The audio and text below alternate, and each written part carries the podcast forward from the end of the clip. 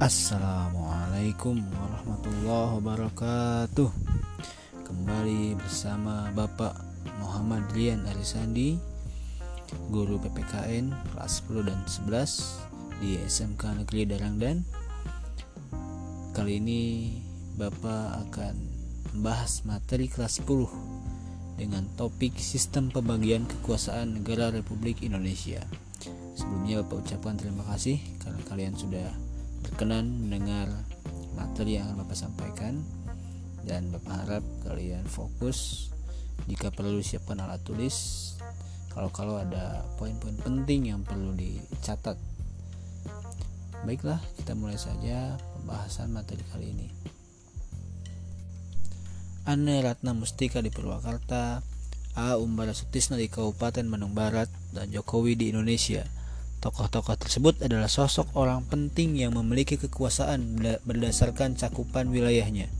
Jokowi dengan kekuasaannya sebagai presiden bisa mengatur agar seluruh rakyat Indonesia di masa pandemi COVID-19 ini agar selalu mengenakan masker demi menghentikan laju penularan COVID-19.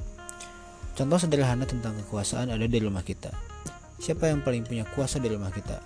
Tentu orang tua, baik ibu atau bapak atau siapa pun yang menjadi wali kita. Setiap orang tua pasti punya kehendaknya sendiri.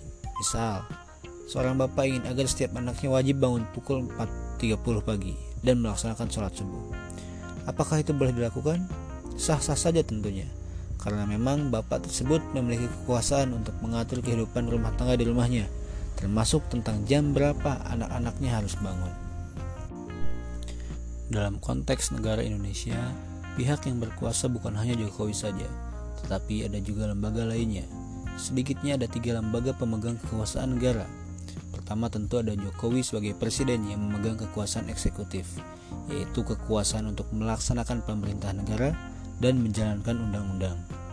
Selain Jokowi ada juga DPR atau Dewan Perwakilan Rakyat sebagai lembaga legislatif yang fungsinya sebagai lembaga pengawas kinerja pemerintahan dan membentuk undang-undang. Jadi kinerja Jokowi bersama para menterinya itu diawasi oleh DPR. Nah, yang ketiga ada kekuasaan yudikatif yang memegang kekuasaan kehakiman. Lembaga ini bertugas untuk menyelenggarakan peradilan demi menegakkan hukum dan keadilan. Jadi, jika ada pejabat negara, masyarakat biasa yang melanggar hukum, itu diadilinya oleh kekuasaan yudikatif.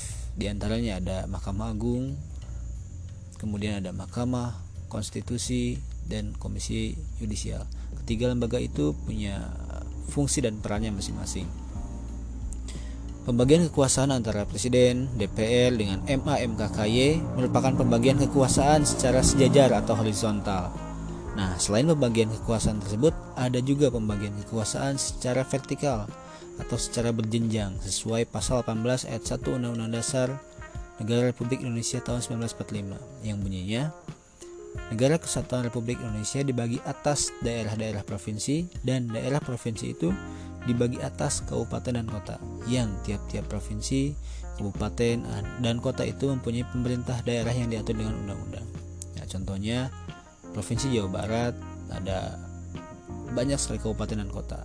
Contoh ada Kabupaten Purwakarta, ada Kabupaten Bandung Barat. Nah, kabupaten-kabupaten ini punya pemerintahnya sendiri. Seperti dijelaskan di awal tadi ada Bu Ana Mustika sebagai Bupati Purwakarta ada Bapak A. Umar Sutisna sebagai Bupati Bandung Barat.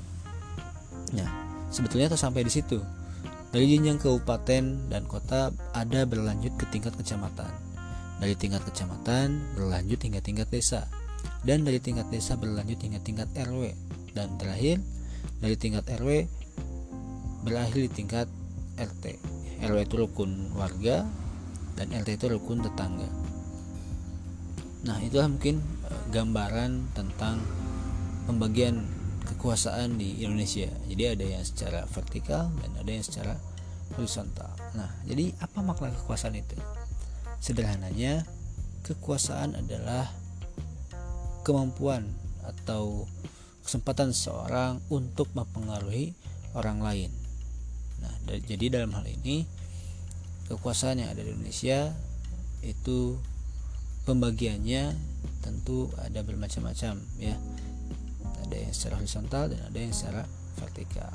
Demikian mungkin penjelasan singkat tentang makna kekuasaan dan bagaimana pembagian kekuasaan di Indonesia dilakukan. Terima kasih. Tugas selanjutnya akan disampaikan melalui grup WhatsApp. Wabillahi. Wassalamualaikum warahmatullahi wabarakatuh.